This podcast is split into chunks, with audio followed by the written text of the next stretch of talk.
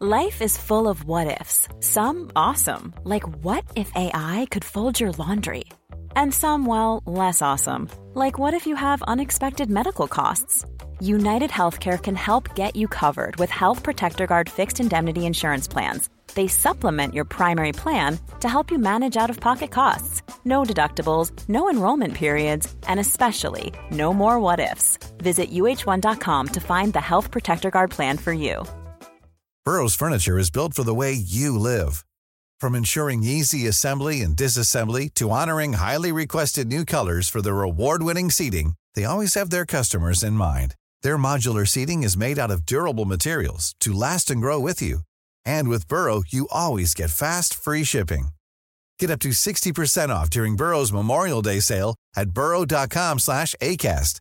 That's burrow.com slash ACAST. burrow.com slash ACAST.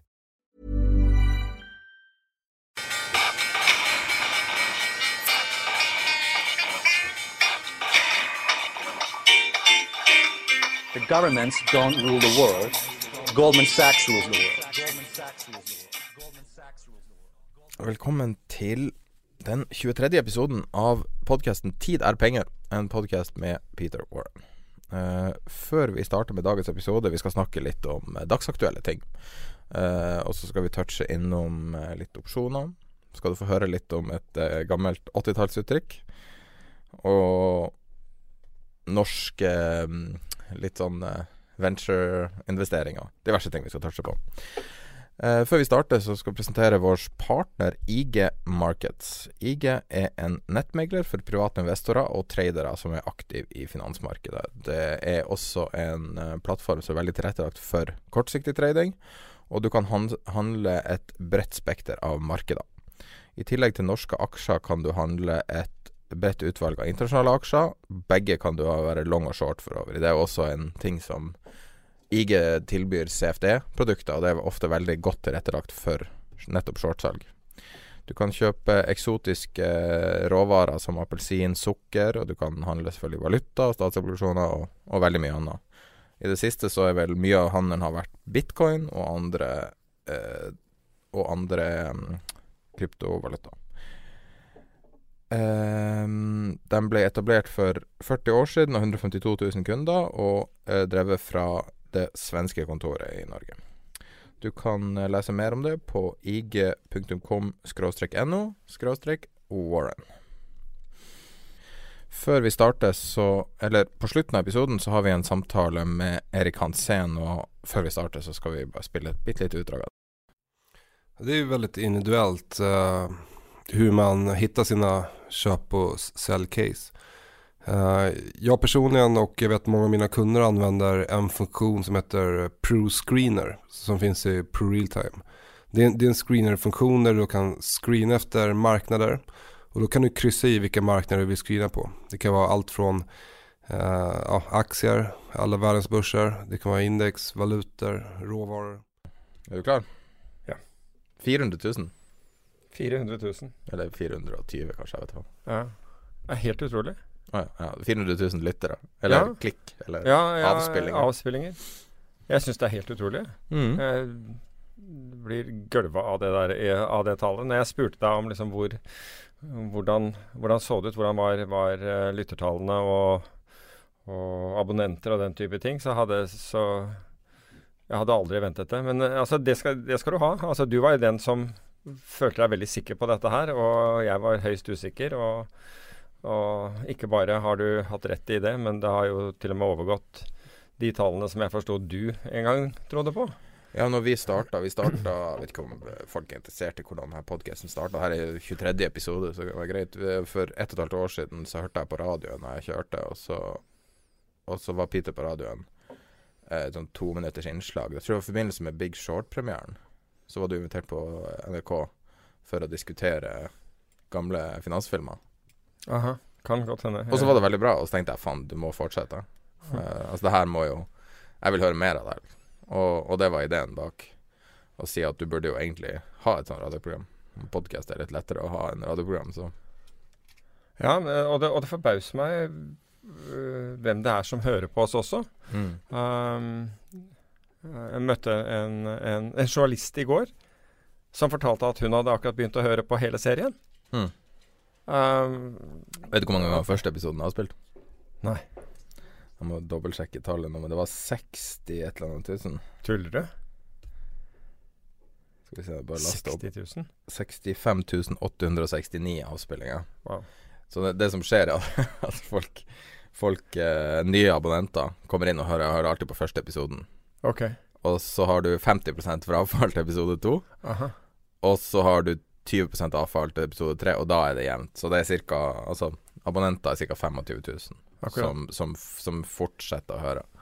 Det var en del som Jo, men uansett så er det, altså, Det er for meg så er det et, ja, et helt vanvittig tall. Og, og den siste episoden nå, da, da, da fikk jeg også sett tallene. At jeg, altså jeg, jeg trodde nesten ikke det var sant. Jeg. Altså. Ja, men det er, den raskeste, det er det raskeste vi har fått. Ja, Så der nådde Altså, det, det kommer jo over liksom flere uker at folk hører på. ja. Flere måneder, og gamle episoder stiger. Det er litt artig å se. Det er et veldig annerledes medium enn f.eks. bloggen din. ja. Det fungerer på en helt annen måte. Ja, det er klart at du gjør det, for her blir jeg jo stilt til veggs av deg. Uh, og Ja, ikke så sånn. debatt- Jo, jo, men jeg, jo, men det er jo det, ikke sant. I en, en blogg, da kan jeg, der sitter jeg på en måte og drodler med mine egne tanker og, og interesser, men du, i podkasten, så tvinger du meg over på, på andre temaer. Mm. Og, og få meg til å spesifisere ting som jeg enten kan Enten overser e- eller tror er opplagt og selvsagt osv. Men det er, det er jo ikke sånn det er. Altså, det er jo ofte at ting trenger forklaring. Så det er et annet medium, men, og utfordrende og interessant. Men vi skal ikke det er hyggelig at folk liker den. Det Her er litt sånn podkast-onani nå, så vi kan gå videre. Ja, Nei, men, men man skal være ydmyk for, for det at, Ja. at folk uh, gidder å høre på, og det er- må jeg si at jeg er takknemlig for. Før vi starter, så du uh, likte uh, Ottar Ertseid-artikkelen i Dagens Næringsliv? Ja. Ja, jeg, jeg, jeg, jeg syns den eh, jeg, jeg må jo si det at jeg har ikke har ikke, truff, har ikke selv truffet Ottar Ertseid. Vet selvfølgelig hvem hvem han er, Uh, men uh, men jeg syns han Hugo Lauritz Jensen Ideen hadde At det var, at det var, var artige for, formuleringer der. Um, og, og så er det selvfølgelig alvorlige temaer uh, i den. Um, men jeg syns at liksom han har noen virkelige virkelig artige formuleringer. Den ene er at dette, dette sier han om, om, om Matcheid, at eh, han, han kan le så han, så han hikster, omtrent som et, et esel i et julespill. dette, det, er det, det er DNBs Wonderboy vi snakker om. Jeg syns, men jeg syns det var morsomt formulert, da. Det er veldig Um, luftig språk, men jeg fatter ikke hva det betyr. Nei, men, men, ja, men, men han sier jo også at han, han tenker mye fortere enn han, han snakker, blant annet. Og eh, hva var det han har, da? En slags cere cerebral overprestering som parkerer snakketøy og dik diksjon. Altså, det er artig skrevet, da. Den er morsomt skrevet uh, om, en- om en person som helt klart er, uh, er flink i jobben sin. Mm. Ja, ja, han, er jo, han er jo en, en evergreen der og har jo levert vanvittige resultater. så- Ja, ja. Men vet du hva, hva som holder han oppe om natten? Altså, hva, hva, for det, det, det er det han spør Ja, altså, det er Det er frykten for at du har en, en, en sånn rogue trader-medarbeider, altså en som da samarbeider eventuelt med, med en kunde eh, om å skjule tap.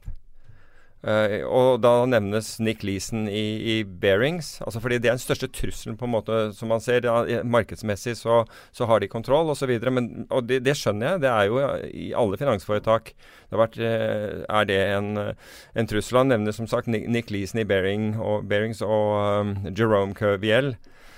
Som var i Société General. Uh, men uh, hvis man går litt lenger tilbake i tid, og det er sikkert før uh, Ertseids tid, så hadde jo DNB, da hetende DNC, en slik en. Seriøst? Ja. Philip Hecker. Og han ble, han ble satt inn. En, en, en rogue trader på Ja. samme måte? Ja. Philip Hecker. Ja. Du sa det der i stad. Jeg, jeg, jeg, skjønte ikke hva du snakka om. ja, ja. Franskmann. Franskmann satt i Oslo. Wow. Satt i Kirkegaten i Oslo. Havna han i fengsel? Ja. Han havna i fengsel. Det var rykte om at det var en annen utlending der, men han, ble, han kom seg ut av landet, visstnok, som også deltok. Og siden han ikke, ikke gikk gjennom det norske rettssystemet, så skal vi la være å nevne navnet hans. Men øhm, Første treffet på Philip Hecker er peterwarren.no. What? Er det det? ja, Yes. Din. Ja. Jeg visste ikke at jeg hadde skrevet om han, men uh. Men en, en, en venn av meg var, um, var uh, idrettsinstruktør på Jeg tror det var på Ila. Han øh, var på idrettshøyskolen, og så hadde han bl.a. det som bijobb. Og da, da, møtte han Hekker og skulle hilse til meg. Jeg hadde aldri egentlig truffet han. Men det morsomme med han var jo at han var Altså DNC, altså det som i dag heter DNB, var en av de største traderne i SMP 500 Futures Mm. i verden. Så Og de fortalte at for Oppi denne her saken, hvorfor ble ikke dette her avdekket? Og da de på oppgjøret hadde jo liksom Når, når uh, Philip kom på jobben på morgenen, så liksom ville en eller annen fra, fra oppgjøret si Men Philip, er du, er du klar over øh, hvordan det gikk i, i Chicago i går kveld? Altså der hvor denne terminen ble handlet, som han drev med. De har jo kjempetap. Og han skrek del, delvis angivelig, da. Delvis på fransk og delvis på norsk. ikke sant, Og kalte de imbesiler. De skjønte ikke. Det var motsatt fortegn. De, kunne ikke, de visste ikke hva de drev med. Og ingen turte å gå opp mot han, fordi han var liksom Han var da så vel ansett i banken som en, eh, en moneymaker at Ja. ingen turte å gå opp imot ham. Uh, og så smeller det, da. Altså Så blir det til slutt avdekket. Det ble internasjonale nyheter. Det var i 1987, så det var jo godt tima. Selvfølgelig er det jo da sånne der ting Ja. Men Ja. det var LA Times skrev det. Ja, men ikke, det er jo sånn der, du kan gå imot markedet så lenge. Helt til du ikke kan lenger. ikke sant? Helt til noe skjer. Jo, men i 1987, at det her sprer seg til Los Ja, ja. Angeles, er jo Ja, ja. At Norge sprer seg Vet til du- Los- Angeles. Vet du hvor han er nå? Nei. I New York og jobber med finans. Å, wow. Hvor enn da? Eller, Det står ikke. Nei. Var LinkedIn hans. Ok, men uh, Men uh, Nei, så, så han var en, en artig character, men litt sånn larger than life. Og det gjorde at ingen turte på en måte å stille spørsmål ved hva han gjorde. slik at når de så disse tapene, så, og han skrek tilbake at de, de ikke skjønte hva de drev med, det var ingen som turte å overstyre han. Ja. Jeg mener at det var en av, en av banksjefene der, nå skal jeg ikke nevne navnet igjen, som måtte gå pga. det også. Så, ja, nå husker jeg hvem det var også. Men uh, han måtte gå. Han, han dukket opp i et annet finansforetak senere. Men altså, det, han var, bare så det er sagt, han hadde ikke vært med på det. Men han hadde heller ikke skjønt hva de drev med. Og det, og det ble tydelig i, uh, i granskningen av dette. Så jeg skjønner, altså bare tilbake til uh, Ottar Ertza, jeg, jeg skjønner at det holder han oppe om natten. Fordi de har en så velfungerende butikk hvor målet er å tjene, så vidt jeg husker, da, en milliard i kvartalet. Hva er det de tjener med? på? Hva sier du? Hva er det de tjener penger på? Er Marginer. Market, marketmaking, ja. Nei, altså du, marketmaking mot hvem da? Det er jo mot kunder, det er jo ikke marketmaking i, i, det, i det profesjonelle marketmaker-markedet. Fordi Er ikke opsjoner en stor del av Nei, altså det tror jeg ikke. Men, men dit, altså, det er klart, når du er en stor, når du er en stor bank, og ledende, kan du, kan du si, i Norge, hvor de aller fleste store kunder handler med deg og må handle med deg og har andre forhold til deg, så, så kan du ta deg bedre betalt enn om du er et aggressivt meglerhus som kanskje kan stille bedre priser, men, men som ikke har det kontaktnettet som, som de har. Så Betaler de mindre til ansatte også? Uh, DNB? Det vet jeg ikke. Jeg vet ikke hva de betalte han. Jeg tror ikke det. Kjus din lønn og ble jo kjent nå når han bytta jobb. Hvem? Det er jo et stort tap for DNB å miste Torbjørn Kjus. Torbjørn Kjus? Ja, absolutt. absolutt. Nå eh, skal han over og jobbe eller annet firma jeg ikke har hørt om. Ja, et eller annet Farma eh, men, altså, Farma, men oljerelatert. Ja, så- eller Farma kommer til å bli oljerelatert, eller et eller annet sånt. ja. Så vidt jeg forsto. Og, var og, analys, der hadde de altså tatt en eller annen oljetrader fra, fra DNB, noe jeg faktisk ikke visste at de hadde. Uh, jeg har mye business med dem, men de har aldri foreslått å, å handle, handle olje med oss. Det kan jo være eh, fysisk olje, kanskje. Uh, ja, det kan det også, men vi kan også handle fysiske laster for den saks skyld. Men jeg skjønner ikke hvorfor en bank skal sitte og handle fysiske oljelaster. Men God brygge. Ja, det kan du si. Hvorfor ikke? Men det er jo i hvert fall et stort tap for DNB òg. Men Å miste, Kjus, det er kjempetap. Men altså, hvis du tenker på så hvor stor stjerne han har, og hvor mye penger han har tjent for kundene, med Ja. å ha riktig på de store, store eh, Ja. bevegelsene, så syns jeg fortsatt han fikk sånn moderat betalt for det. Ja, så du kan si at han ville helt sikkert fått bedre betalt hvis han hadde gått til et hedgefond. Men problemet ka- kanskje han ønsker å bo i Norge. Mm. Og det er ikke Altså, i Norge så har det ikke mange Altså, jeg vet ikke om noen andre hedgefond i Norge som handlet olje enn det enn enn oss. Mm. I hvert fall ikke på en regulær basis. Slik at da måtte du flytte ut av landet, tenker jeg, hvis du, skal, hvis du skulle sitte og, og, og gjøre det. Og kanskje han ikke ønsker det. Jeg har ikke spurt ham. Lenge siden jeg snakket med han. Men, eh, men jeg er helt enig med deg. Det er et stort tap for, eh, for DNB. Jeg syns det er et stort tap for, for, for, på, en måte Finans-Norge slash olje. Nettopp fordi han er en veldig flink fyr. En ting som er veldig synd med vi har Et tema som jeg ikke vet om du vil ta opp eller ikke, men jeg har litt lyst til å ta opp. Hvis du leser uh, aviser nå, så er det stort sett ett navn som dukker opp igjen og igjen i alle mulige saker. Uh, en forvalter som kommenterer alt mulig mellom himmel og jord. Og så lurer jeg på Og så, og så var jo Kjus var en av dem som var villig til å snakke med media fordi at det var en del av jobben hans. Men han, ja, men han snakket vel om olje. Ja. Jeg, jeg, kan ikke huske at han har liksom gått utenfor. Nei, nei, jeg har aldri gått utenfor. Men det er litt sånn Det er litt sånn trist å miste den stemmen, fordi det var en veldig seriøs stemme. Mens ja. andre som, som har mening om alt hvor, hvor, bra kan de ha meningen være når du har mening om alt? Jo, men altså, dette går jo tilbake til er det, altså, fra, fra medias ståsted. Hva er det som selger? Ikke sant? Må, media må ha forklaring på noe. Og hvis de kan ringe til en eller annen person som uttaler seg om hytt og gevær, mm. så er det klart at da får de i hvert fall uh, et, et, svar på det. Altså, Media er jo ikke opptatt av, for å være helt ærlig altså, og nøktern, om det svaret er riktig eller galt. Men vet du hvorfor? Det er faktisk en grunn til det. I gammelt av, så altså når man gikk over til det tabloide formatet, så var det det, altså det at, avisen fysisk er mindre. Det er én definisjon på tabloid. Men den andre definisjonen på tabloid er at du ikke har en point of view. Sånn at hvis noen sier noe, så er det greit. Uansett hva de sier. Så kan du trykke det i overskrift, så lenge ja. du setter en sitatstrek foran. Ja, nettopp. Og, og, det er litt sånn Det bærer litt preg av det. Hvis du leser en avis, sier folk at det er svindel, og må, han må gå, og ditt og datt. Men avisen har jo ingen konsekvenser av å trykke det. Det er kun han personlig som må ja. slite med eventuell troverdighet. Ja, jeg forstår. Så akkurat det er litt synd med Kjus at ja, altså du mister jo, du, du mister jo på en måte en, en, en Du føler nesten garantert at han ikke kommer til å snakke med media lenger? Voice, ja, det vet jeg ikke, men voice of, of, of reason og, og, ikke minst kunnskap. Det ja. gjør du. For han hadde alltid uh, Han hadde alltid um, uh, interessante synspunkter og, og, ting som de gangene jeg snakket med han, som jeg ikke, ikke hadde tenkt på. Mm. Når jeg, når jeg um, når jeg tok problemstillinger opp med ham. Og det gjaldt jo selvfølgelig da oljemarkedet, når jeg først snakket med ham. Det han var ekspert på. Vi har eh, hatt en litt sånn drama... Du har jo litt kan du si litt forutsetning basert på din historikk for å snakke om det som har skjedd med Facebook og alt sånt. Du har jo litt sånn innsyn i, i denne verden basert på din historie. Så lurer jeg litt på hva du syns om det som skjer med Facebook nå?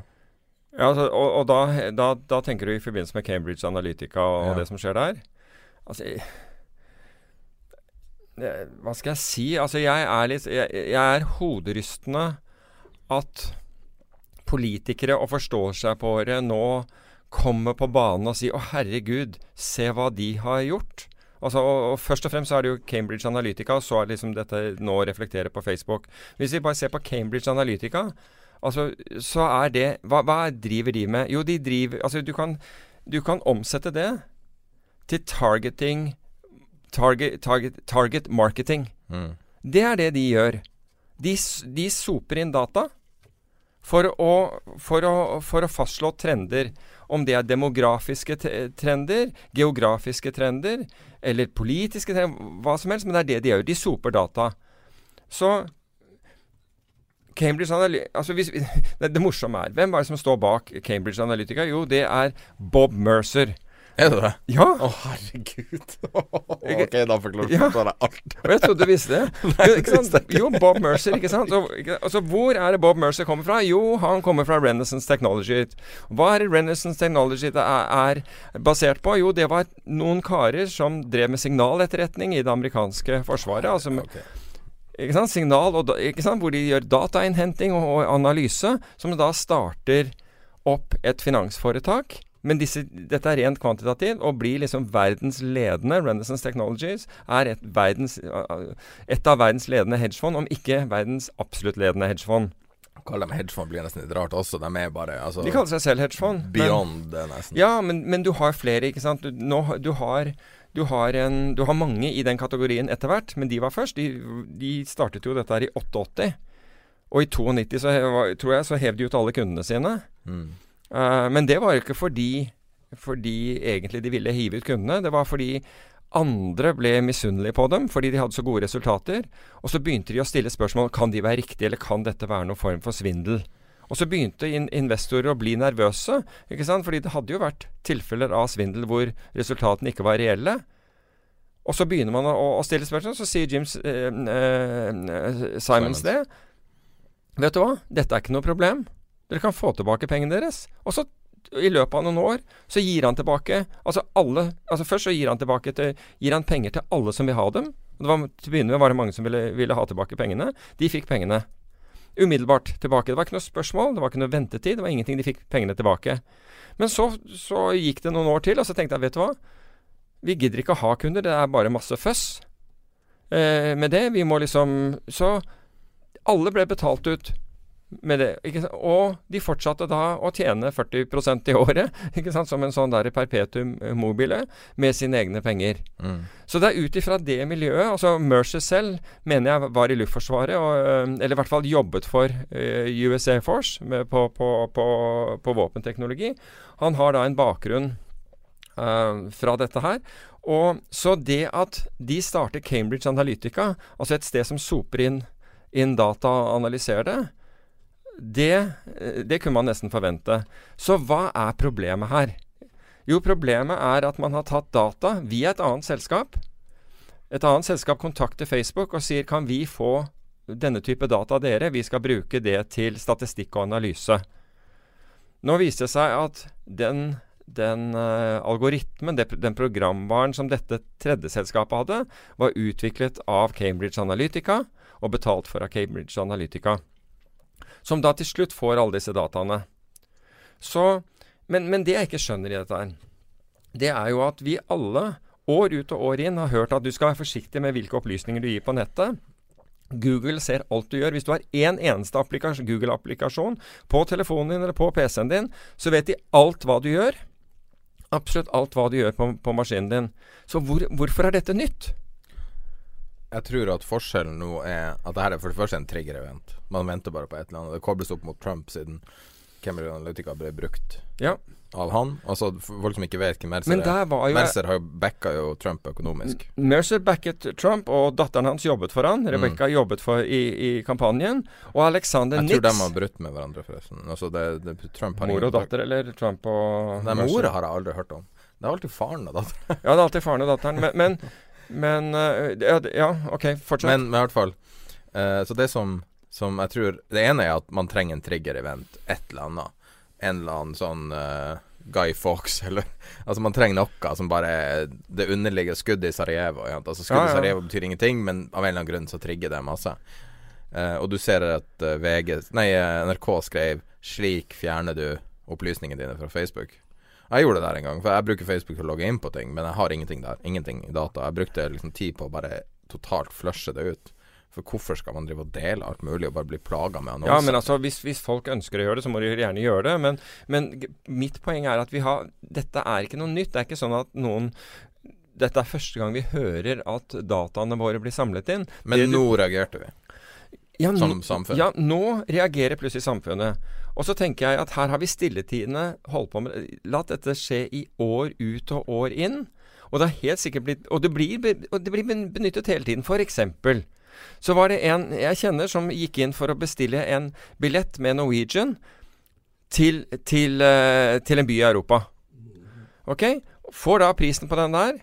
Skal gå inn dagen etter og, og, og bestille billetten. Da har den blitt mye dyrere. Ja, men det er en feature, da. Så. Ja, men vent litt. Det er blitt my mye dyrere. Og vedkommende sier det her Hvordan i helsike kan den ha gått opp så mye? Så sier vedkommende hva får du hvis du eh, prøver å bestille samme billetten? Jeg, går, jeg, får den opprinnelige prisen. Selvfølgelig, men det er jo, jo men ikke sant, det, det er jo å utnytte data. Nå er, nå, dette, altså, dette er ikke bare Norwegian. Alle selskaper, så vidt jeg vet, gjør dette til. Gjør dette, for dette har jeg sett skje. Ja, det er prisoptimeringssoftware. Prisoptimeringsroboter og alt mulig sånn. Men poenget er at man, man utnytter den kunnskapen man, man, man, har, og klarer å tilegne seg. Men så når du da detter ned på Facebook i dette her, så er jo Så er det litt større problem. Fordi spørsmålet er nå siden da dette selskapet ringer opp Facebook og sier du, kan vi få, få, få disse data og metadata fra, fra, dere, kan vi få laste ned det? Uh, for vi skal bruke det til, uh, til, til, forskning. Og så sier Facebook ja, det, det, kan dere gjøre. Det er jo der kjernen ligger. Altså, vil, kunne man ikke forvente en høyere grad av sikkerhet og sikkerhetsbevissthet hos Facebook enn at en han enn en der, altså det tydeligvis er. Altså Hvis du ønsker å bruke Ja, ja, her, ta for all del og bruk mm. de dataene. Der mener jeg cruxet ligger. Det ligger ikke hos Cambridge Analytica, hvor toppsjefen har blitt suspendert og liksom, Det er blitt helt vilt. Han gikk jo ut rett etter. Hold, jeg har en sånn YouTube med han. Tror det var YouTube, men i hvert fall gikk de ut rett etter at um, Trump vant valget. Hvor han, ikke, hvor han sier at de supportet den ene av kandidatene. Det er helt opplagt, han nevner aldri Trump der sånn. Men det er helt opplagt øh, hvilke av kandidatene, og hvordan de gikk frem. Mm. Ok, det, det er da nå Hva blir det? Det er over et år siden. Går, ikke sant? Hala, går på halvannet år siden. Og ingen reagerte. Ingen reagerte da. Men nå er vi indignert. Og nå kommer politikerne. Og nå suspenderer vi. eh, nå, nå sidesetter vi aksjen. Og nå skal vi ikke handle i Facebook.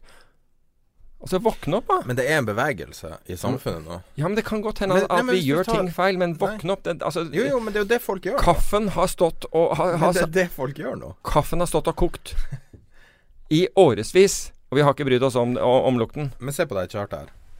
Det er Facebook. Se på volumet på salget.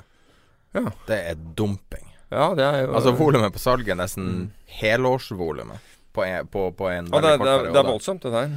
Og, og det nå er store institusjoner som ikke vil deale med Facebook lenger. Ja, det, Men så har du sett. Snapchat som et annet stor, stor aktør i det her, som hele tida sliter med at folk forlater tjenesten av diverse grunner i veldig sånn spektakulært vis, og så blir det store diskusjoner, hos.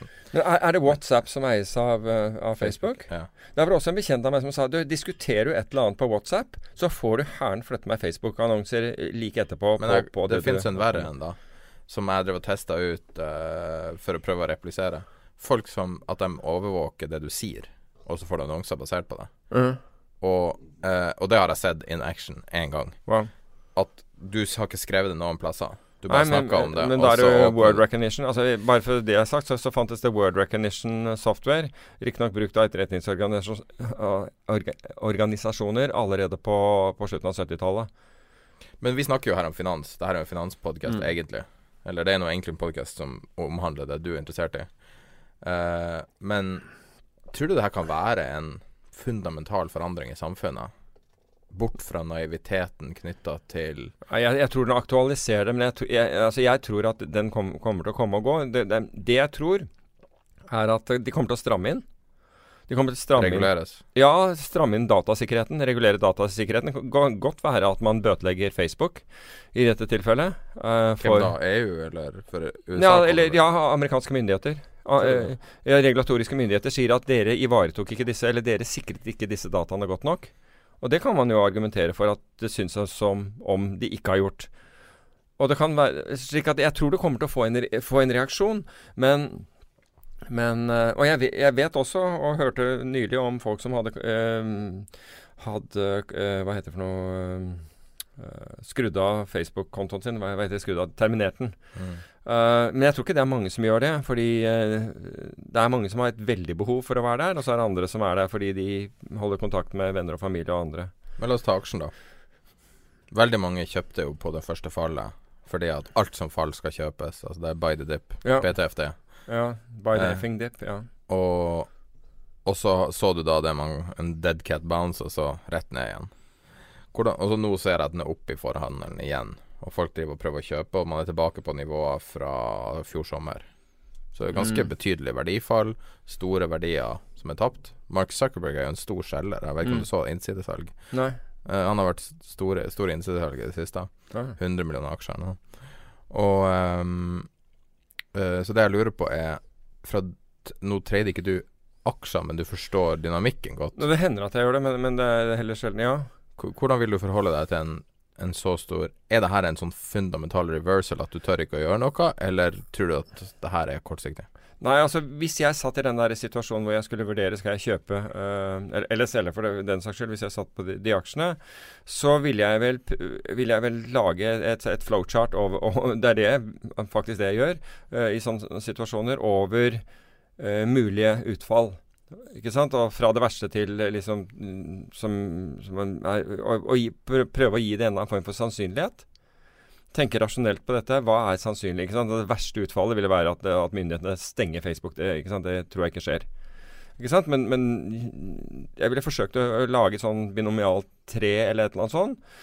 For, at, uh, for å, å se på disse utfallene. Men, men mest av alt, hva er det sannsynlig at amerikanske myndigheter vil gjøre dersom man ønsker Fordi jeg tror noe vil bli gjort. Fordi Altså Både Google og Facebook har ekstremt eh, personlige data om oss, altså vet veldig mye om oss. Og det er klart at Når den type data kommer på avveie, så, så, går det litt ut av eh, kontroll. Og det gjør det jo både for myndigheter og samfunnet generelt.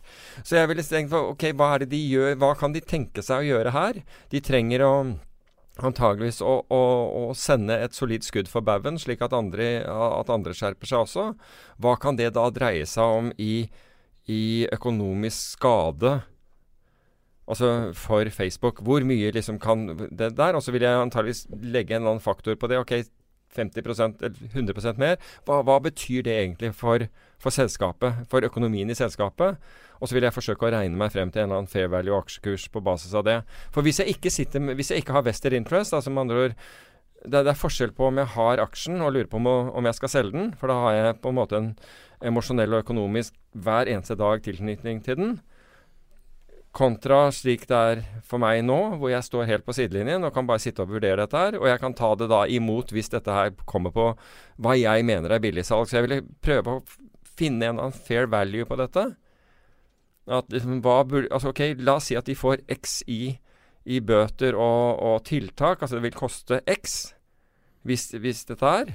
Finne ut ok, hva, hva, aksje, altså, hva er verdien på selskapet hvis, du, hvis, du, hvis det koster det? Og så vil jeg da se på en kurs som da avviker i vesentlig grad fra det, altså mye f.eks. er lavere enn det, vil være en buy for meg. Og, og, og, og, er den liksom på fair value eller over, så vil jeg bare la det være. For det er andre faktorer som bestemmer. Da er det liksom tidevannet kommer inn og løfter aksjer og, og alle andre sånne ting. Eller tech-aksjer generelt. Nei, for det at uh, vi har jo diskutert et tema men jeg ville også gått, gått, Jeg ville ikke bare gått på Facebook, bare så det er sagt. Jeg ville gått på andre selskaper som er i samme situasjon. Twitter er jo rammet ja, for å, se om, for å se i hvilken grad blir de tatt av det samme. For det kan være at, at, at på en måte bølgen ikke har truffet dem enda, men vil. Ja. Altså jeg sier ikke jeg har ikke, jeg har ikke analysert dette her. Altså Twitter. Bølgen traff Twitter, altså? ja, ja, ok, bølgen traff okay, Så jeg har ikke sett på det. Men jeg ville sett på de der, og så ville jeg sett om det er, er det noen her som ikke har fått det. Mm. Eh, som ikke er blitt våte ennå, som, som, bør bli våte. Mm. Det ville være short-kandidater. Og, ikke sant? og tilsvarende de som har fått uh, liksom, uh, hvor, hvor, bølgen er på nå er på vannet på vei tilbake igjen for dem, så vil det være kjøpskandidatene. Hva du kjøper av BP midt i krisa? Uh, nei, det, det, var jeg ikke. Altså, det, jeg, jeg har um, Nei, jeg, nei jeg, det, var for når jeg satt og forvaltet, det var for, for, mikro for meg. Det eneste gangen jeg, jeg, gjorde noe i BP og andre oljeselskaper, det var når jeg uh, shortet uh, olje. Mm. Uh, det, var, det, var, dagen hvor, dagen hvor Goldman Sachs hadde den 200 dollars forecasten. Da mente jeg nå er, nå er det så gærent som det kan bli her. Da var vi over 140 dollar. over 105, Vi traff vel 147. Men jeg, vi, 49. Var det? Jeg tror det var 147, eh, som jeg husker. Men i hvert fall, vi fra over 140 dollar så drev vi og shortet olje, og så kjøpte vi en kurv av oljeselskaper. Store oljeselskaper. Vi mente at øh, øh, reservene til disse oljeselskapene var vesentlig undervurdert allerede på det nivå. Um, og hvis oljeprisene fortsatte oppover og vi tapte på short-posisjonen uh, vår, så vil vi tjene på, på, på å være long oljeselskapene. Så det viste seg at uh, olje falt, og, og, oljeselskapene rørte seg nesten ikke, så det var en grei trade. Grunnen til at jeg tar opp det her, og etter hvert Norwegian også, er vi drev og diskuterte temaet faceripper. Mm. Uh, bare lese definisjonen. Det fins definisjon på Face ripping rally. Ja. Market advance with extreme intensity. So much that it takes skin and hair along with it ja, ja. from the facial area. Difficult to detect in advance, but upon arrival, uh, the feeling is instantaneously recognized. A common situation typically uh, experienced by those who are short in the hole. Ja. Veldig mange er nå uh, ønsker å være short Facebook, har vært short Facebook. Veldig mange har snakka om å være short Norwegian.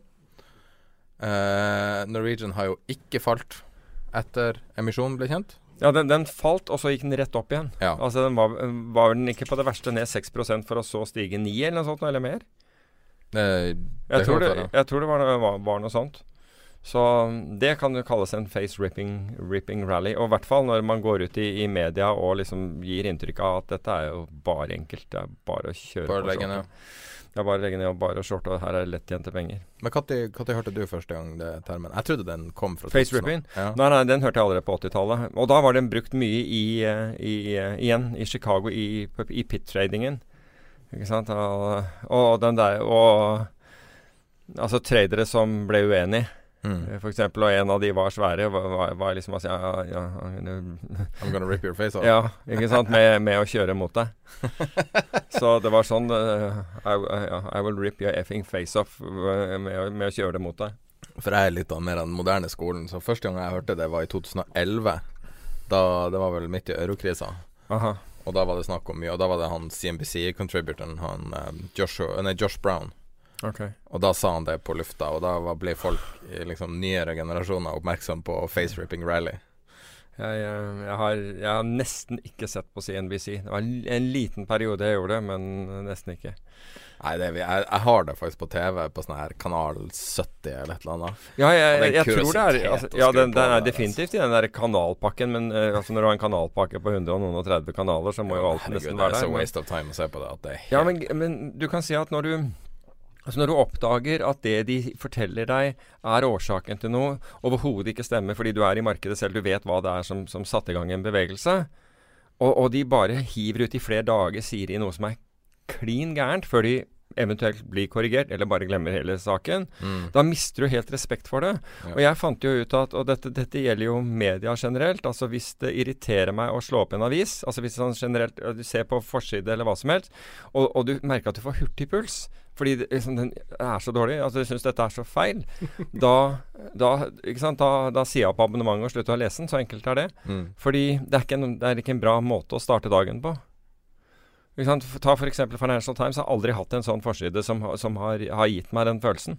Det er sånne kjøp- og salgsanbefalinger som er veldig brutale. Ja, også, og ikke sant. Og, og, og, alle er fiasko, og det er liksom Store ord. Ja, ikke sant. Ja, ikke sant. Altså bruken av gule og røde piler og liksom så svært og Altså, du tenker Å, gud, gud altså men, men, rett og slett det, altså hvis det ikke bidrar altså Tenk litt på det. Altså Hvis det du leser eh, altså du kan, Det er mange årsaker til, til, hva man leser, og det må folk få lov å ha.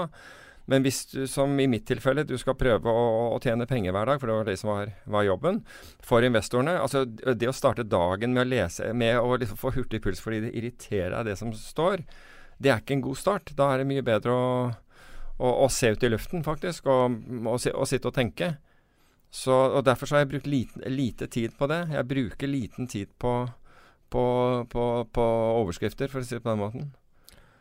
Altså Jo mindre jeg leser aviser, jo bedre er livet. Og så er det liksom sjekke innom hytt Jeg bruker å sjekke innom DN for å se hva morgendagens forside er, og Finansavisen på appen for å se morgendagens forside. Jeg leser aldri mhm. avisene, mm. men bare for å se hva forside er, bare for å se om det er noe stort som er i bevegelse. Ja. Det er jo veldig sjelden det er det, men det er veldig store ord ofte. Men, men, du kan si at hvis det er noe stort i bevegelse, så er det en som kommer til å fortelle meg det likevel. Og, og da kan jeg alltids gå og skaffe meg den avisen hvis det er, hvis det er viktig nok. Men hvis det er og liksom sladder om en eller annen kar i finans, så kommer jeg ikke til ikke sant? Så er jeg absolutt zero interessert i. Har vi snakka om hvorfor det er så mye sladder i finans? Har vi gjort det? Eh, vi har snakka om det. Jeg vet ikke, Er det mer sladder i finans enn det er andre steder? Ja, det tror jeg. Eh, spesielt hvis du omgås meglere. Har ikke ja, vi snakka om det der? Nei, jeg tror ikke vi har snakket Det vet jeg ikke. Men altså, meglere Hvorfor meglere sladrer? Ja, men me meglere må jo ha en story. Ja. Ikke sant? Det er jo storytelling, eh, så det er ikke så rart, det. Du må ringe kunden med noe. Ja, du, ikke, ikke, sant? Og hvis du har sladder, så er det en grunn til å ringe ja. noen. Men apropos må, må ringe eh, kunden med noe. Altså, eh, altså jeg, jeg traff tilfeldigvis noen advokatfullmektiger. De, de, hadde akkurat skiftet beite da, men de hadde jobbet hos en av et veldig kjent advokatkontor. Ja. Eller heter det advokatfirma i Oslo. Veldig kjent. Eller man kjenner, veldig norsk, veldig, veldig kjent. Og, og, spurte hvordan det hadde vært der. Jeg kjente jo folk som jobbet der også. De sa at det var ordentlig pes der. Eh, der. Men uh, etter, etter, etter, et par øl så fortalte han ene at de hadde en liste.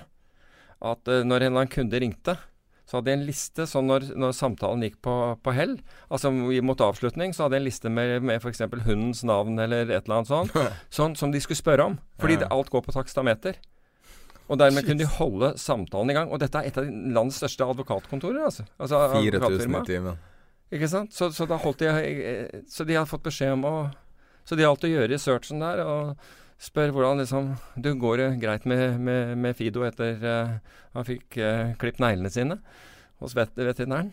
Altså, så, Men det er, det er også sladderbusiness, altså, spesielt nærings, næringsadvokater. Mm. Du tror det er liksom sånn, high, sånn high end uh, forhandling hele tida. Veldig mye av det er at de, de, vet hva som foregår, og at de sitter og sladrer mellom hverandre og driver og fisker etter informasjon hele tida. Jeg kjenner folk som er næringsadvokater. Ja, men jeg, jeg syns det er veldig stor forskjell mellom, mellom uh, advokatkontorene, uh, må jeg si. Veldig stor. Altså for veldig stor. Forbausende stor, egentlig. Du har ja. de som er på en måte helt på den ene enden den der med, med spør om alt mulig annet for å holde de på der, til de som er ekstremt seriøse mm. i det, og som aldri spør deg om noe sånn utenom eller eller noe, og virker aldri sladrer til deg om ting. Men, eh, men, det er vel der som ellers i samfunnet, så folk er forskjellige. Så, men jeg tror også det har med kultur å gjøre. Jeg oppfatter, det, er, det er noen man oppfatter som ekstremt seriøse. Mm. Um, men det er litt sånn management consulting-bransjen også. Ja, management consulting er jo ofte folk i dress som bare står der. Mm. og så har du eh, vanlige altså konsulenter med en eller annen teknisk bakgrunn eh, som virkelig hjelper deg med å drive fram, som ikke er det bare for å være liksom, en argumentasjon. Og det, det, er jo litt samme med advokater også. Altså, det er jo advokater innenfor alle mulige spesialiteter. Jeg brukte nylig en, uh, en advokat på et med veldig spesialist. Da måtte jeg, måtte jeg basically finne den ene personen i Norge som hadde den spesialiteten, for det var noe som ingen klarte å svare på. Mm. Knytta til myndighetene, inkludert myndighetene sjøl. Da måtte jeg finne henne. Ja. Da hadde hun blitt headhunta inn til et eller annet nytt firma, liksom. og så det, det, er jo noen som har ekstremverdi, men de aller fleste ja, ja. virker på meg ja, Absolutt. Men jeg, jeg, jeg syns at etter 2008, altså etter finanskrisen, mm. da regelverkene har endret seg kontinuerlig, mm. så, har jo, så syns jeg også at uh, moral og etikk har gjort det samme. Og det har ikke gått oppover, det har gått nedover. Og, og det er fordi plutselig så begynte forretningsadvokater å tjene voldsomt, og da syns jeg at at, hele det, at, at det har blitt en kulturendring i det. Altså, fordi eh, altså Når de først begynte å altså, Nå er de jo lønnsledende, eh, ikke sant. Det er, det er jo absolutt verstingene, eller, eller verstingene på en sånn positiv måte. Men da syns jeg at det ble, ble, en stor endring. Men tilbake til det der. altså Noen syns jeg er imponerende, og, men mange syns jeg er, er, det motsatte, for å si det på den måten. Når du sitter og ser på deg sjøl, merker du at du forandra eh, positur når du begynte å snakke om advokater? Nei, hvordan Det gikk, det gikk i sånn kampstilling. jeg vet at du er opptatt av hvordan man små, subtile ting ja. I Into kampholdning, ja. Det, ja du, det, det, armene i kors, ja, ingen smil. Lente seg litt framover på tåballene. Du er klar for fight. ja, det er uh, ja, det, ja det, det, er sikkert ikke uriktig. det er litt vanskelig å oversette det på lyd, så jeg må bare mm. fortelle det. Men uh, Eh, derimot, li, apropos faceraping rally, altså. Mm. Libor og IS-bredden fortsetter og fortsetter og fortsetter. Ja, og nå har, jo, nå har jo til og med noen begynt å skrive om det i Norge også, så du det? Altså, var det i forrige uke så nevnte Pål Ringholm i Han er kanskje ikke først lenger, nå er det et nytt sted. Eh, hva heter det nå? Sparebanken. Ja, sikkert der. Um, da nevnte han den i DN. Og, um, han er en jeg liker, forresten. Jeg har veldig ja, sansen for flink fyr. Absolutt. Men da, da, nevnte han den, og, og, du kan si at den har jo nå spreddet ut. Og den har jo spreddet, Vi husker ikke, er det tre episoder siden jeg tror det er tre episoder. Du var først jeg hørte i verden som omtalte det. Ja, jeg husker at du sa at du fant ikke noe om det engang på nett. Uh, fordi du, du, googlet det når vi, vi uh, drev og snakket sammen. Men, uh, men, nå Altså, jeg så senest den kommentert rett før jeg kom hit. Da var det utenlandsk investeringsbank som som sa at her må man være våken fordi, eh, fordi det bankene eh, Altså her kan man få en funding-skvis på bankene, for de stoler ikke på hverandre lenger. Nå begynner det å bli dyrt. Så det er jo greit å følge med på, men Jeg har sett det i noe rente. Jeg så noe rente sitert med én måned forskjell. Ett et prosentpoeng i forskjell ja, på én ja, måned. Ja. Så det, så det, er noe som er i Det, det her er slår ut i økonomien allerede i dag. Ja, også, altså, og det vil slå ut. Det er helt klart. Det, Nei, det har gjort det allerede. Ja, ja, men altså, det, vil slå ut mer enn det. Altså, den, jeg tror ikke mannen i gaten ved, uh, føler det enda, men jeg tror, men det er bare tidsspørsmål før det kommer. I hvert fall hvis disse spreddene uh, er der ute hvor de er nå. Og så sitter alle og later som dette ikke skjer. Men, uh, men, men poenget, og vi har jo snakket om dette her med å ha instrumenter altså OIS Libor er, eh, er, er, et av mange instrumenter man har. Altså det, og hvorfor har man det? Jo, fordi det er greit å vite at noe foregår. Ta for For hvis uh, Vi har brukt analogien tidligere med bilen din. Altså Du kan enten ha et instrument som viser at nå blir motoren varm og oljenivået ditt lavt, eller noe sånt noe. Eller du kan kjøre, kjøre til, til, det, skjærer seg, og så, kan du, og så kan mekanikeren etterpå fortelle deg hva, hva, hva som var galt. Og de fleste av oss vet at det er billigere og, og, og, har kikket på instrumentene på forhånd og gjort, tatt sine forholdsregler, enn å stå der og må ha en ny motorblokk. Stempler, kamaksel, veivaksel, stempelringer. For ikke snakke om prisen det, på, på, å få dette satt inn. Noe vi hadde lyst til å ta opp i fem siste episodene. Den har stått på lista hver gang, og så har tida gått ut. Så nå har vi ca. 13 sekunder? 29 Nei, 19 minutter, sorry. Okay. På oss. For hvor mange år siden er det nå? Tre, kanskje? Tre eller fire? Så begynte vi å snakke om ønsket om prediction trading. Ja. Det er sikkert fire år siden faktisk nå. Tror det. Ja. Og at det var jo litt sånn Det var prediction trading litt hetere det rundt valget med det første valget med Obama, tror jeg. Da var det jo mm. et selskap som heter Intrade, så vidt jeg husker, der du kunne eh, gjøre økonomiske bets på politikk. Så finnes det prediction trading på diverse universiteter eh, rundt omkring. Veldig liten skala. Mm.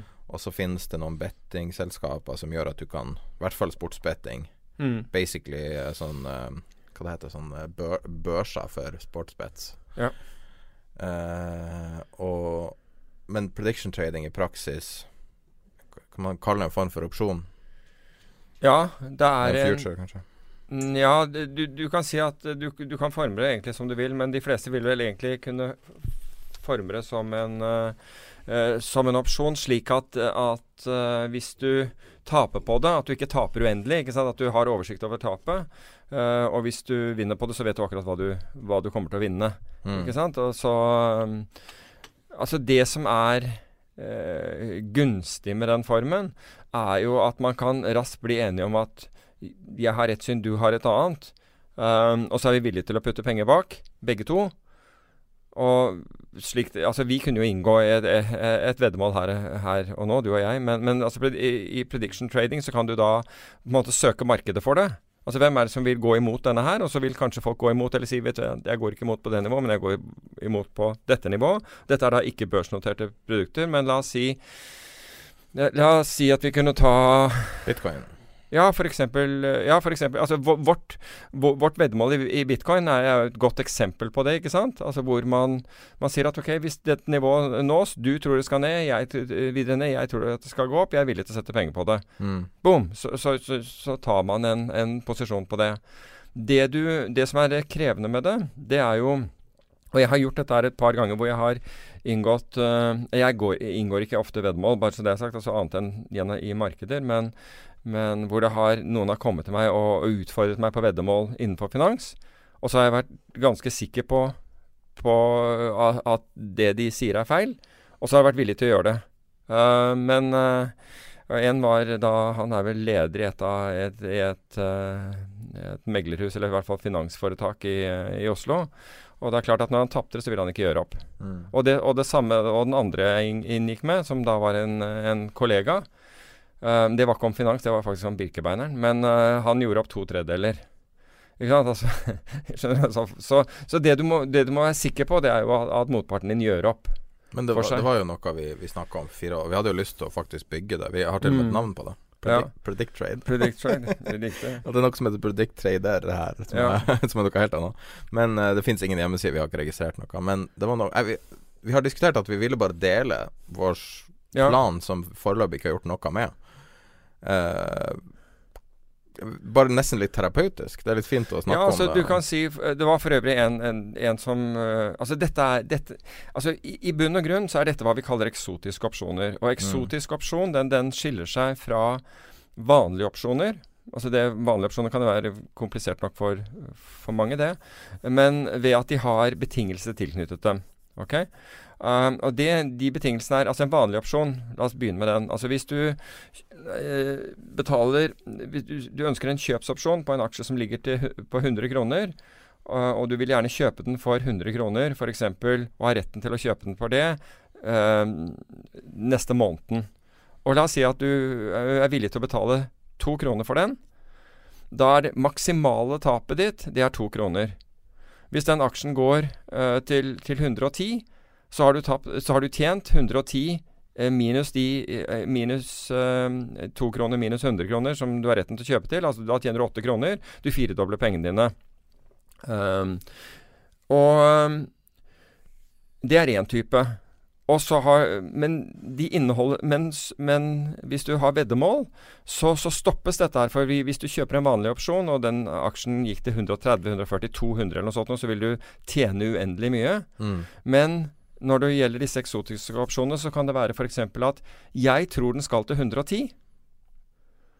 Og hvis den ikke går til 110, så får jeg ikke noe utbetalt. Men hvis den går til 120, så får jeg heller ikke mer utbetalt enn om den gikk til 100, 110. Men på 110 så får jeg f.eks. Da, da, da får jeg full premie. Så jeg kan si La oss si at det var en aksje nå. La, oss si, eller, ja, la oss si at det var en aksje, og så sier jeg at jeg tror at den går til 120 innen, eh, innen to måneder. Um, og hvis den gjør det, så vil jeg ha La oss si 100 000 kroner utbetalt. Mm.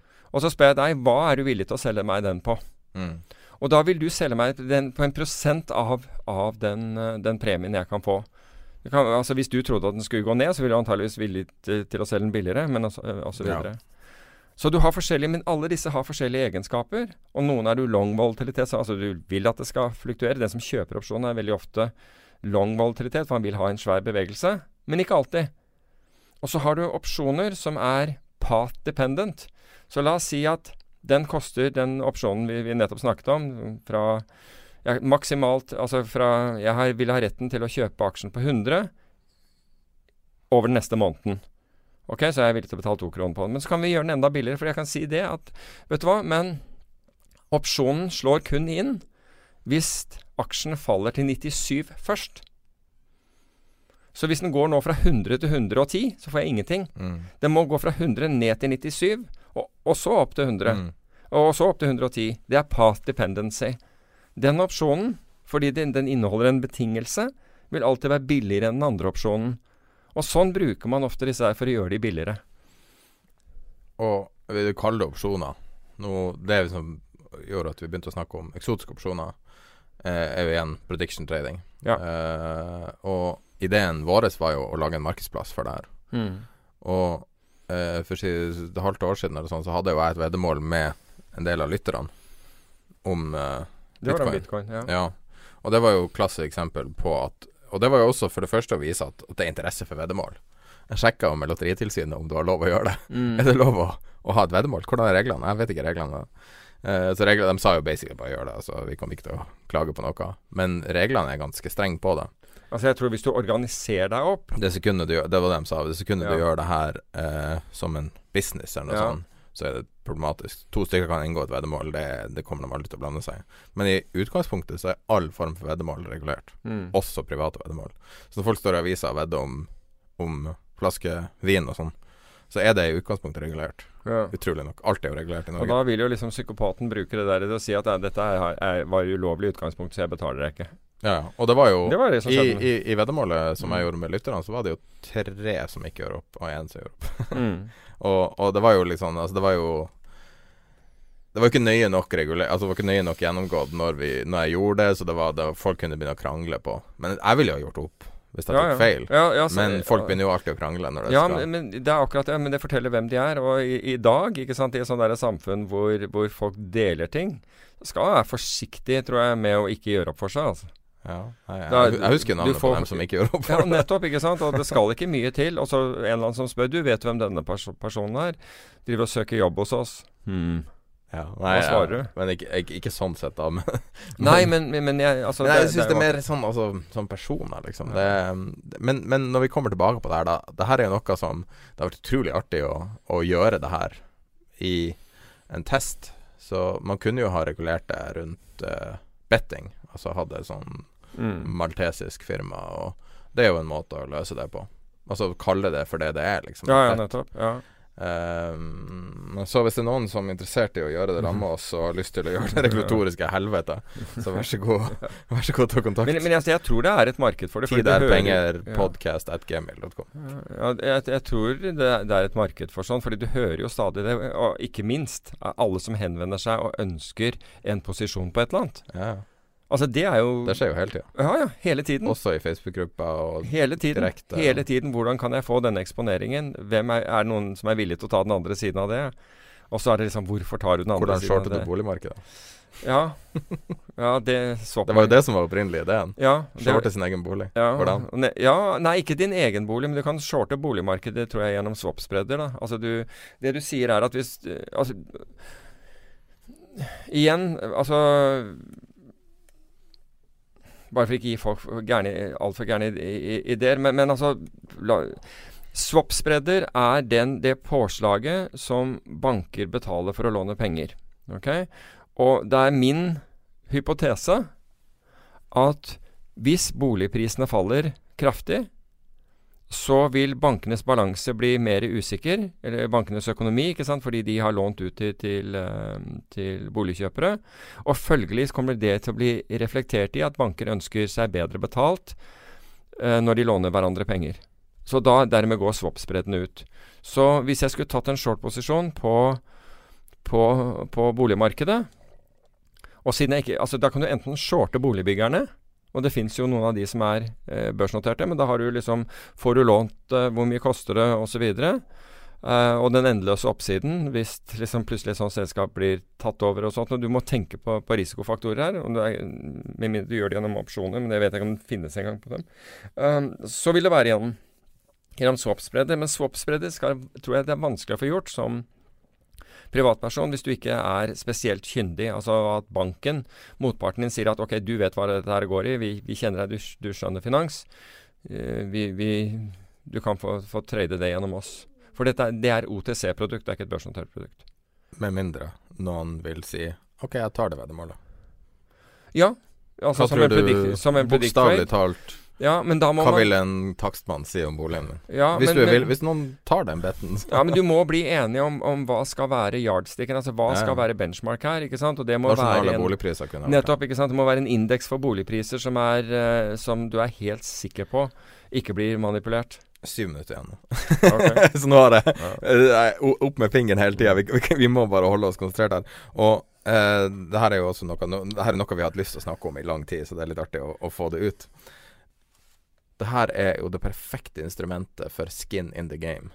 Ja. Så hver gang en person uttaler seg til media for å få oppmerksomhet og sier det her kommer til å skje, det kommer til å skje, så kan du bare da si Men la oss sette opp en predict trade for det med offentlig innsyn, der du Hvor mye penger er du villig til å sette bak det du sier? Det handler ikke om å bare være avisa, men hvor mye du vil Tror du nok på det til å tape penger? Og du kommer, For det første så kommer du til å se hva folk faktisk tror på. Og for det andre så får du da en, en, eh, en mulighet til å måte regulere avisene. Regulere meningen litt. Ja. Altså, og det er, en, det er en tredje faktor her som eh, Det er at når folk har skin in the game, så konsentrerer de seg. Da tenker de faktisk på det de sier. Så hadde du hatt hadde du f.eks. hatt alle de som mener noe om, om aksjemarkedet eller om en aksje eller et eller annet sånt, og så sier du til du, sett penger bak det. Mm.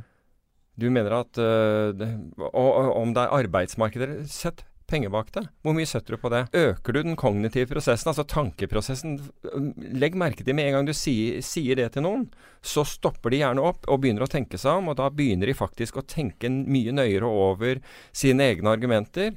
Og ikke bare det. Faktum at du er villig til å utfordre dem. Da begynner de å lure på hva du vet, hva de har oversett, hva du vet som ikke de vet. Mm. Eh, hva vet du som ikke jeg vet, og som jeg bør vite? Eh, som uh, Mohammed Al-Arian sa. Eh, og det er interessant, fordi det, det skjerper oss. Det gjør oss faktisk mer mentalt skarpe ved at vi blir utfordret på den måten og får skin in the game. Og det er jo Mm. akkurat Og det er jo hele Talebs bok og på en måte det han hevder, hevder og, det, og det han står bak, det er jo, det er jo akkurat det derre at ha skin in the game, og, og alt blir bedre. Skin in the Game er et bedre navn enn Predict Trade. Ja. Ja. Nå tror jeg Nasim antageligvis har tatt copyright men på da tar vi akkurat den. med, vi tar med, vi tar med Taleb, og så bygger sånn en fantastisk markedsplass verdt milliarder. Selger til Goldman Sachs. Jeg syns det her er en knallidé. Og så er det så bra å bare dele alle planene eh, før vi gjør det, sånn at det er bare å gå og stjele det. Men uh, du hørte det her først. I likhet med OE-spredden, Vixen og masse andre ting. Og at uh, Nikkei falt 4,5 i dag morges fordi Fordi det er nå en mulig trade war mellom uh, Jesus. Kina og Det er, ikke, USA. det er ikke bare det heller. Det er jo det er Nei, ikke det bare mange det som ting, det er sender mange ting, men, Dow eh, Jones ned 3 Men det var kjent på det tidspunktet òg. Når den falt. Ja, det vet jeg. Mm. Nei, det er helt, eh, helt idiotisk. Jeg tror- Jeg tror ikke det nødvendigvis blir en trade war, men det er jo definitivt destabiliserende. Jesus. Men det, det er jo interessant å se hvor mye tåler systemet, da. Hvor mye tåler det av tull og, og, og kok? Og hvor mange liksom feil ting Altså hvor mye galt kan det være med et maskineri før det er såpass mye sand i det at, at det stopper? Dette, dette er jo altså 2018 er jo en, eh, er jo en test av det. Vi Også, lever i spennende tider. Så vil jeg anbefale noen å laste ned, hvis du har lyst til å kaste bort livet ditt. Det er til deg også. Laste ned pub, PubG til Android Hva for noe? dataspill til telefon som er kommet på telefonen. Åh, det er så godt. Så bra. Herregud, Det, er så bra. det, altså, du får ikke meg til å se ut til å spille Jo, jo, Pokémon og andre jo, jo, ting. det her altså. får jeg. Det her Nei, det- garantert at jeg får det. Jeg skal vise deg etterpå. Det er At jeg begynner å spille det på åh, telefonen min. Det er så bra. Du kan det. Vet du hva? That's not me. Det kan jeg love. jo, jo, det går. Nei. Tror meg. Vi gjør det, vi gjør det som neste episode. Nå er det ett minutt igjen til vi må sjekke ut, så da avslutter vi episoden her. Og vi har vår samtale med Erik Hansen fra IG Markets. Hvordan kan man finne verdipapirer man ønsker å, å Altså ønsker å handle? Altså det, dere, det finnes noen, noen tusen forskjellige ting å trade via, via ikke verden, liksom. Du har uh, kinesiske aksjer til uh, Altså til uh, obskure valuta. Hvordan finner man? Mm. Det er jo veldig individuelt hur man finner sine kjøp- og s- säljcase. Eh, jag personligen och jag vet många av mina kunder använder en funktion som heter Pro Screener som finns i Pro Realtime. Det är, är en screener-funktion där du kan screena efter marknader och då kan du kryssa i vilka marknader du vill screena på. Det kan vara allt från eh, aktier, alla världens börser, det kan vara index, valutor, råvaror och så vidare. Och så kan du screena efter eh, de tekniska villkoren som du ställer upp där. Så det kan vara allt från att du försöker hitta översålda eller överköpta aktier, aktier med låg volatilitet, eh, aktier som har haft en hög volym eh, senaste tiden. Eller aktier kanske som har brutit uppåt eller brutit neråt från topp eller bottenfaser. Och det här är då en väldigt enkel och snabb screeningfunktion som finns i programmet. Och då finns det färdiga eh, screeners som man kan ladda ner fr- från internet eh, och importera i programmet väldigt enkelt. Mm. Och eh, för de som gillar lite mer fundamental analys har vi också en screener där man kan eh, screena efter bolag efter mer fundamentala nyckeltal då, som P eller börsvärde och så vidare.